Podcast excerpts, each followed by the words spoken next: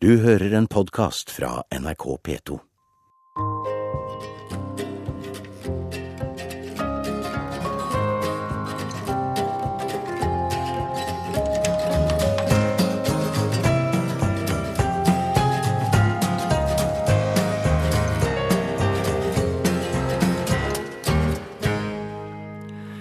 Jeg heter Viljar Hansen.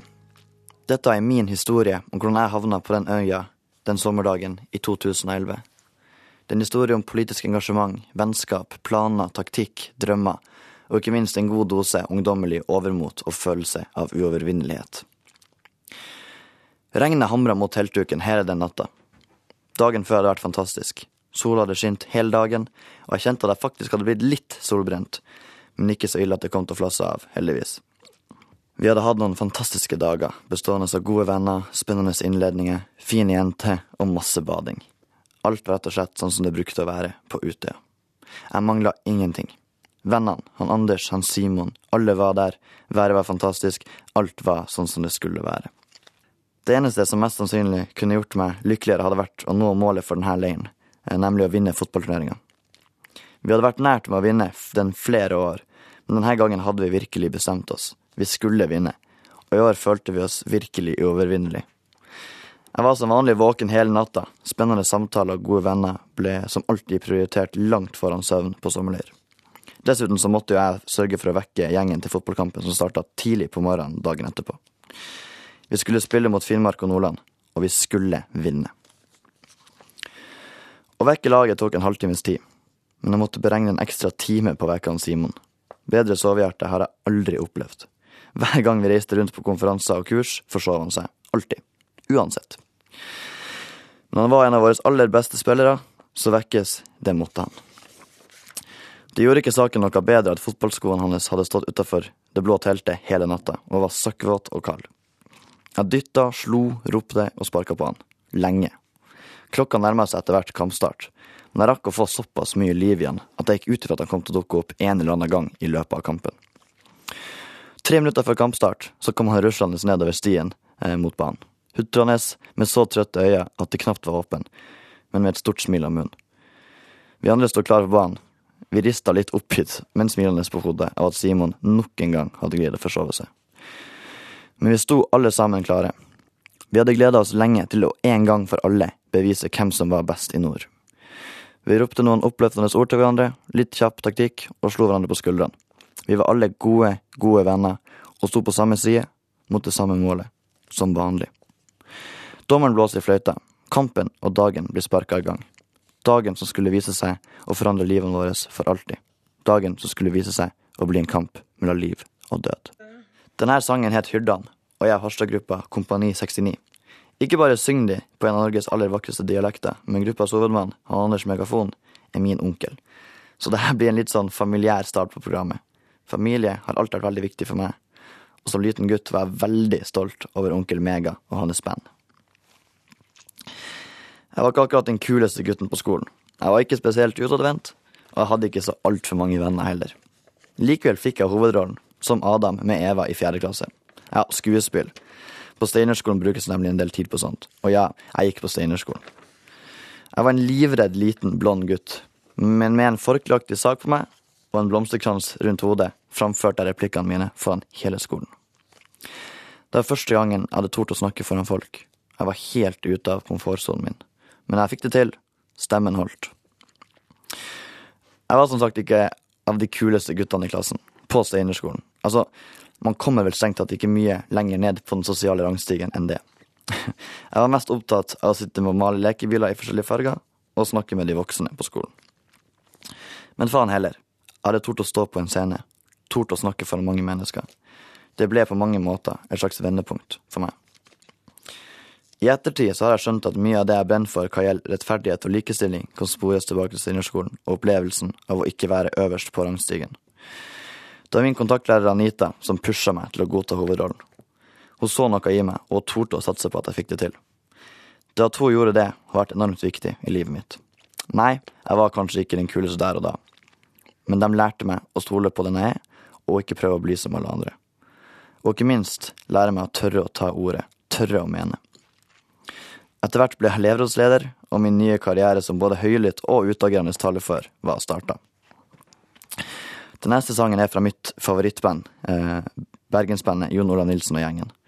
Og den får meg til å tenke tilbake på tiden på Steinerskolen, Anita og alle menneskene der som har betydd noe for meg. Den heter Virvelvind. Ungdommer kommer fra forskjellige hjem, og alle har ikke råd til å kjøpe mat i kantina på skolen. Et gratis, varmt, sunt måltid i skolen vil ikke bare øke elevene sin konsentrasjon og trivsel, det vil også være med på å utjevne forskjeller i skolen.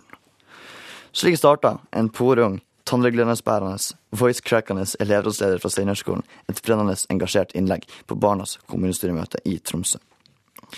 I løpet av oppveksten min hadde vi nemlig bodd over flere perioder i Sverige, og der hadde de gratis varm mat i skolen.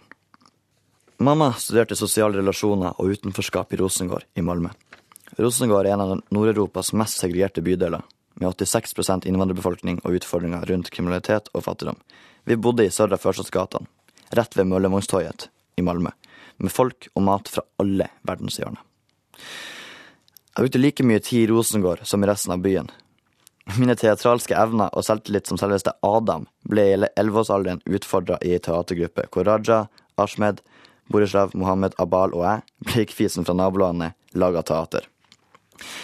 Jeg husker spesielt godt en gang rett før vi skulle framføre et stykke foran massevis av mennesker. Så sa jeg at jeg var nervøs fordi jeg var redd for at de som hørte på, skulle høre at jeg snakka dårlig svensk. Da svarte en av de andre at jeg var like mye innvandrer som dem, men også like mye svensk. Det kommer alle til å glemme. Vi var et vi. Jeg kommer aldri til å glemme det fellesskapet og den kjærligheten jeg fikk der. Og dessverre heller ikke det utenforskapet som mamma beskrev, og som vi så så altfor godt. Sånn at i seinere tid å høre om Lasermann, jævelen som gikk rundt og skøyt på mennesker med innvandrerbakgrunn, og Sverigedemokraterna sin store fremvekst i Skåne, har vært forferdelig. Den neste sangen er fra min gamle nabo i Sørre Førstadsgatan, han Timbuktu, og beskriver det Malmö jeg aldri kommer til å glemme. Du hører på Sommer i P2. Jeg er Viljar Hansen, og jeg forteller min historie om politisk engasjement, vennskap, drømmer og min vei til Utøya.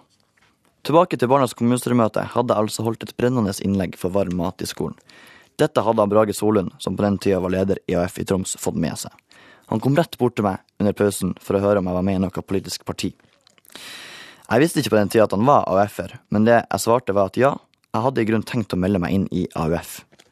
Det ble med andre ord en av tidenes enkleste vervinger for vervekongen Brage. I AUF fikk jeg fort utløp for mye av mitt allerede sterke politiske engasjement. Det første jeg gjorde som nytt medlem i AUF, det var å delta på en miljøkonferanse som ble arrangert i Tromsø av AUF, som het Olje i nord. Jeg husker at jeg var nervøs for å komme dit. Jeg kjente jo bare han Brage fra før. Jeg hadde tatt på meg de fineste klærne jeg hadde, og hadde litt for mye hårvoks i håret for at jeg skulle føle meg så kul som mulig, selv om jeg var nervøs. Men når jeg først kom dit, eh, tok det ikke lang tid før jeg skjønte at det ikke var noe som helst poeng i å være nervøs. Eller fint kledd, for den saks skyld. Her var det viktig å ha et smil og et stort engasjement. Og det hadde jeg. Jeg fikk flere venner på den helga med AUF-erne enn jeg hadde fått noen gang tidligere. Jeg ble spesielt godt kjent med en kar fra Salangen som het Simon, og hvis jeg hadde mye voks i håret, så hadde han enda mer. Og hvis jeg følte at jeg hadde kule klær, så hadde han enda kulere klær. Vi snakka masse den helga. Om elevråd, om hvordan vi skulle starte et AUF-lag i Salangen, om å starte et ungdommens fylkesråd for å gjøre livet i ungdomsrådene rundt omkring i fylket bedre. Vi snakka om integrering av folk fra asylmottaket, om oppdrettsnæringa. I tillegg til at vi snakka en del om jenter og fotball. Noen måneder etter dette var jeg med Brage ut til Simon og Salangen for å være med på å starte Salangen AUF. Simon ble leder, og en av våre første planer for den politiske framtida var lagt. Dette skulle bare være starten på det som skulle bli mange flere politiske planer og drømmer.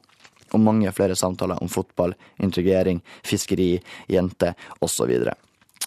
Vi var en hel gjeng med unge mennesker fulle av engasjement, drømmer og store planer og for andre gang i livet mitt hadde jeg virkelig følt et ekte fellesskap igjen, på samme måte som jeg hadde følt det i Sverige. Vi var igjen et vi, og vi var et vi med store planer. Det var gode gamle kjøtt med sangen Jeg vil bli som Jesus. Det har vært en av mine favorittsanger siden jeg var liten. Han pappa var nemlig opptatt av å spille det han kalte ordentlig musikk også, innimellom alle Eminem-sangene som jeg hørte på som ung. En svær konferanse hvor ungdommer og de eldre kan møtes for å lære av hverandre. Genialt! Og så kan vi kalle den generasjonskonferansen. Vi må ha flere hundre deltakere, minst. Vi diskuterte og planla langt utover natta. Dette skulle bli tidenes konferanse. Selv om jeg lærte mye i AUF, var det som en del av ungdommens fylkesråd i Troms at jeg virkelig fikk utfolde meg. Der satt også han Simon fra Salangen og han Anders fra Bardu. Der hadde vi ingen kreative sperrer, en haug med ideer og et rimelig saftig budsjett. Vi hadde følelsen av å kunne skape og få til hva som helst. Generasjonskonferansen skulle bli noe stort. Ungdommer og eldre skulle lære av hverandre og ikke kjefte på hverandre. Forståelse skulle bygge broer og alt det der. Og alle skulle bo på hotell, fordi at følelsen av å være med på noe viktig var helt avgjørende. Det føltes helt fantastisk å kunne være med på å gjøre noe sjøl. Etter måneder med planlegging, idébrifing, budsjettmøter, budsjettjusteringer, eh, nye ideer, småkrangling og enda mer planlegging ble generasjonskonferansen skapt og gjennomført. Det var flere hundre deltakere fra eldreråd og ungdomsråd fra hele landsdelen. De møttes, de bygde broer, de gjorde samarbeidsavtaler, de var våkne altfor lenge på natta, og de diskuterte og lærte av hverandre. Og da slapp jeg og Anders å vekke han Simon, siden han også var våken hele natta, alle nettene, for å holde kontroll sammen med oss andre. Alt dette ble skapt på generasjonskonferansen, men viktigst av alt, det ble skapt vennskap og planer for framtida. Han Anders er det mest ambisiøse, engasjerte og ikke minst mest interesserte menneskene jeg noensinne har møtt. Han var interessert i alt, og han ville lære alt. Ingen som noen gang har møtt han, glemmer han. Han så alle rundt seg, han tok vare på sine egne, og samtidig som han ga mye til alle rundt seg, forventa han akkurat det samme tilbake. Det var den sterkeste typen vennskap man kan ha. Det var bygd på lojalitet og respekt. Jeg og Anders vi brukte dagevis av Skype-samtaler på å diskutere framtida, hva vi skulle få til. Vi skulle bli folkevalgt. Han Anders skulle etter hvert bli ordfører i Bardu. Han elska virkelig det stedet. Og vi skulle fortsette å skape alle de tingene som vi gjorde. Jeg følte at det ikke fantes begrensninger på hva man kunne få til. Jeg reiste rundt, lærte, møtte nye mennesker, skapte kontakter, diskuterte og arrangerte. Alt sammen med mine aller beste venner. Vi var litt av et team, og vi følte oss i bunn og grunn rimelig uovervinnelige. Det var fantastiske tider, men det var først da jeg kom til Svalbard at jeg virkelig fikk utløp for mange av mine drømmer og ambisjoner. Denne sesongen minner meg om da vi skapte konferanser og når vi reiste rundt, og ikke minst minner den meg om det som skulle bli mitt paradis, Svalbard. Dette er Halvdan Sivertsen med Høre til på jorda. Det var en stund siden jeg hadde kommet hjem fra vårt forrige eventyr i Sverige, og etter en stund i Tromsø så var familien klar for nye eventyr igjen. På Svalbard. Hun mamma fikk en spennende jobb der, og pappa der frelst av tanken på å bo der i mange år. Og et eventyr, det ble det virkelig. Det var på Svalbard jeg virkelig fikk utfolde meg politisk og gjennomføre drømmene jeg hadde skapt sammen med kompisene mine. På samme måte som han Simon hadde sitt Salangen, han Anders hadde sitt Bardu, fikk jeg mitt Svalbard. Det første året jeg var der, starta Svalbard AUF og ble leder der. På et tidspunkt hadde vi faktisk flere medlemmer av IAF enn det var i Arbeiderpartilaget der oppe. Vi hadde gått over 40 medlemmer. Og det høres kanskje ikke så mye ut, men det er noe sånn som 80% av ungdommene der oppe er det. Det er helt fantastisk å kunne se at engasjement smitter, og at det fungerer. Jonas og regjeringa hadde akkurat lagt fram nordområdemeldinga, og fokuset på nordområdene og Svalbard var større enn noensinne. Politikere fra hele verden kom til Svalbard for å se og for å lære. Og for en ung, engasjert politisk spire med et brennende engasjement ble den tiden enormt interessant. Jeg fikk møte, diskutere og skape kontakter med mennesker fra alle politiske kretser og fra alle deler av verden. Jeg lærte noe nytt hver eneste dag. Svalbard er et unikt samfunn, på en unik plass. Og selv om det er lite, så er det ganske stort. For selv om klassen besto av elleve elever, var det elever fra Serbia, Thailand, Peru, Spania, Trøndelag, ja, fra over hele verden. Og siden jeg var så få, så var vi alle venner, på tvers av religion, interesse, språk og favorittfotballag. Igjen opplevde jeg et vi. Vi kjørte snøscooter til skolen, vi spilte fotball, vi spilte volleyball, vi kjørte mer snøscooter, og vi hadde heftige diskusjoner på ungdomshuset. Vi lærte av hverandre, og engasjementet det bare økte. Som leder av ungdomshuset arrangerte jeg møter og filmkvelder. Som leder av AUF var jeg med på å skape en oppheta debatt om skjenkebevillinger. Og som leder av ungdomsrådet så skapte jeg større ungdomsmedvirkning. Hun mamma var også politiker på Svalbard, og etter hvert også listetopp og ordførerkandidat. Og mange av diskusjonene rundt kjøkkenbordet ble dratt ut av kjøkkenet og inn i samfunnsdebatten. Jeg husker spesielt godt da mamma og oppvekstforetaket hadde bestemt at vi ikke kunne få spansk på VGS, men måtte ha fransk. Da poserte jeg villig i saken i lokalavisa om at vi ungdommer er svært misfornøyd med vedtaket, og venta med å si noe til mamma før hun sjøl leste det i siste utgave av Svalbardposten ved spisebordet en morgen. Det ble ikke noe rabalder, som man kanskje skulle forvente, men heller en fruktbar diskusjon om bruk av midler, budsjettjusteringer og prioriteringer. Jeg følte at jeg var med på noe stort, og for å være en del av nordområdediskusjonene og samfunnet på Svalbard har vært et enormt privilegium. Jeg glemmer aldri hvor godt jeg ble tatt imot av menneskene på Svalbard, og hvor godt ivaretatt og inkludert jeg ble. Det var dem som ga meg muligheten til å involvere og engasjere meg. Flere kvelder ble brukt på Skype med Anders. Vi planla, la taktikker, vi ga hverandre tips, og av og til også litt refs. Og hvert eneste mål ble nådd eller planlagt hvordan det skulle nås. På våren 2011 var jeg på sikker plass på kommunestyrelista på Svalbard. Enda et mål var nådd, og enda en plan var lagt. Jeg følte meg uovervinnelig. Jeg skulle få være med på å bestemme Svalbard sin politiske framtid. Før kommunestyrevalget, hvor også Anders hadde en høy posisjon på lista i Bardu, skulle vi lære mer, planlegge mer og drømme mer på sommeren sitt store høydepunkt, Utøya. Men denne gangen ble det ikke som planlagt. Neste sangen beskriver de siste timene på Utøya 2011 veldig godt. Den der sangen av rapperen RSB fra Harstad og produsenten Tomax, den minner meg om timene med kaos og helvete på Utøya. Ikke Elinors vise til ungdommen, eller noen av de andre fred- og kjærlighetssangene som alle som ikke var på Utøya, forbinder med 22. juli. Nei, kaos, panikk, helvete. Spring får man til å føle på den indre og ytre uroen, det kaoset, den jakta som Utøya alltid vil være for meg. Når jeg hører på dette lydbildet og ropene spring i refrenget, så gir det meg nesten en klaustrofobisk følelse. Følelsen av å bli jakta på. Følelsen av mine siste timer 22. juli 2011. Musikk har egentlig helt siden mamma sang til meg i magen før jeg ble født, og han pappa spilte Stairway to Heaven på gitar til meg da jeg var liten, betydde noe helt spesielt for meg. Det er en måte å sette ord på følelser. For meg er Spring en ubehagelig låt å høre på. Jeg hører ikke på den så ofte, fordi den treffer så godt, så altfor godt på mange måter. Jeg våkna opp fra koma etter et par uker. Jeg har blitt truffet av fem skudd. Mista ett øye, masse fingre og nesten all bevegelse i venstrearmen. Jeg mista også han Anders, han Simon og mange, mange andre fantastiske mennesker. Men jeg våkna opp til et evig øyeblikk av å kunne se om mamma, han pappa og ikke minst han lillebror, som hadde også hadde overlevd, i øynene og forstå at jeg fortsatt hadde livet. Det har nå straks gått tre år. Det har vært en karusell. Alt jeg drømte om, og mye av min motivasjon når jeg lå på rehabilitering på sykehuset, var å kunne dra hjem til Svalbard for å fortsette livet der.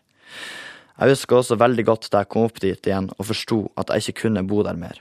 Da jeg faktisk forsto hva skadene mine betydde. Svalbard er et fysisk samfunn.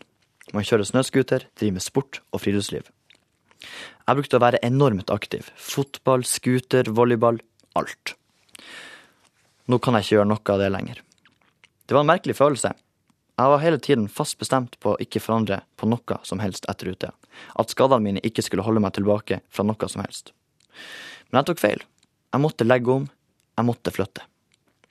Men heldigvis hadde jeg fortsatt politikken, ambisjonene og drømmene til meg og guttene i behold. Tilbake i Tromsø og tilbake i politikken fortsatte jeg som før. Møter, kurs, taler, avisinnlegg. På papiret skulle alt være perfekt. Men det var det ikke. Jeg fant ingen glede i det lenger. Ingenting var som før. Ingenting føltes som det skulle føles. I februar i år deltok jeg på mitt siste årsmøte i AUF. Jeg holdt min siste tale. Jeg var ikke full av anger eller sinne, men jeg var full av glede over alt AUF har gitt og lært meg. Da jeg ble skutt på Utøya, var jeg 17 år gammel. Nå er jeg 20. Selv om jeg er ung, føler jeg meg gammel. Altfor gammel på mange måter. Jeg har å starte lokallag, bli folkevalgt, møte mennesker, reise rundt, holde taler, skape. Men jeg har også opplevd å miste alt. Jeg føler meg erfaren til å være så ung. Jeg føler meg gammel til å være så ung. Jeg tror de beste politikerne er de som har brei livs- og arbeidserfaring. Og i disse grunnlovsdager er det også godt å minne seg sjøl på hvordan representativt demokrati vi har, og at dette demokratiet er tufta på at folket skal ha makta. Folket. Vanlige mennesker. Altså mye av kjernen i min, Anders og Simon sin ideologi, sosialdemokratiet. Jeg slutta for å finne tilbake til sulten igjen, for å finne tilbake til gleden igjen, og for å jakte på de livserfaringene og de opplevelsene jeg trenger Fordi en dag skal jeg tilbake til politikken og fullføre drømmene mine og fullføre drømmene til Anders, han Simon og de andre. Jeg kan ikke leve deres liv, men jeg kan leve mitt og sørge for at deres drømmer og deres liv aldri blir glemt. Dette er en av de vakreste sangene jeg vet om. Lars Bremnes må kunne skrive på himmelen. En nydelig låt på en nydelig dialekt. og for å være helt ærlig, så pleide vi kompisene å plage dattera til Lars og Julie, som også var AUF-er, med å synge denne sangen ganske ofte og ganske mye foran henne. For meg vil den alltid representere det samholdet vi hadde, vi kompisene, lenge før Utøya. Jeg måtte bare ha den med her på slutten av programmet. Jeg har sagt til Julie at jeg nesten er litt lei meg for at jeg har ødelagt låta, at den for mange bare handler om Utøya. For meg er det en kjærlighetssang, en vakker melodi, og den har på en måte bare blitt vår låt, vi kompisene. Jeg ville ikke at min versjon av Sommer i P2 skulle handle om terroren på Utøya, men om hva som tok meg dit den sommeren i 2011, fra Steinerskolen til Svalbard. Vi var barn av regnbuen, fulle av drømmer, livsgnist og en urokkelig tro på at engasjement fungerer. Og en urokkelig tro på oss sjøl. Ja, forresten så vant vi den kampen mot Nordland og Finnmark 3-1. Det var et av de aller fineste øyeblikkene i livet mitt. Vi var kommet til semifinalen, og vi hadde store planer for de neste dagene på Utøya. Og så selvfølgelig å vinne finalen, da. Det fikk verken jeg, han Simon eller resten av gjengen gjort. Jeg er Viljar Hansen, og dette er mitt sommer i P2. Du har hørt en podkast fra NRK P2.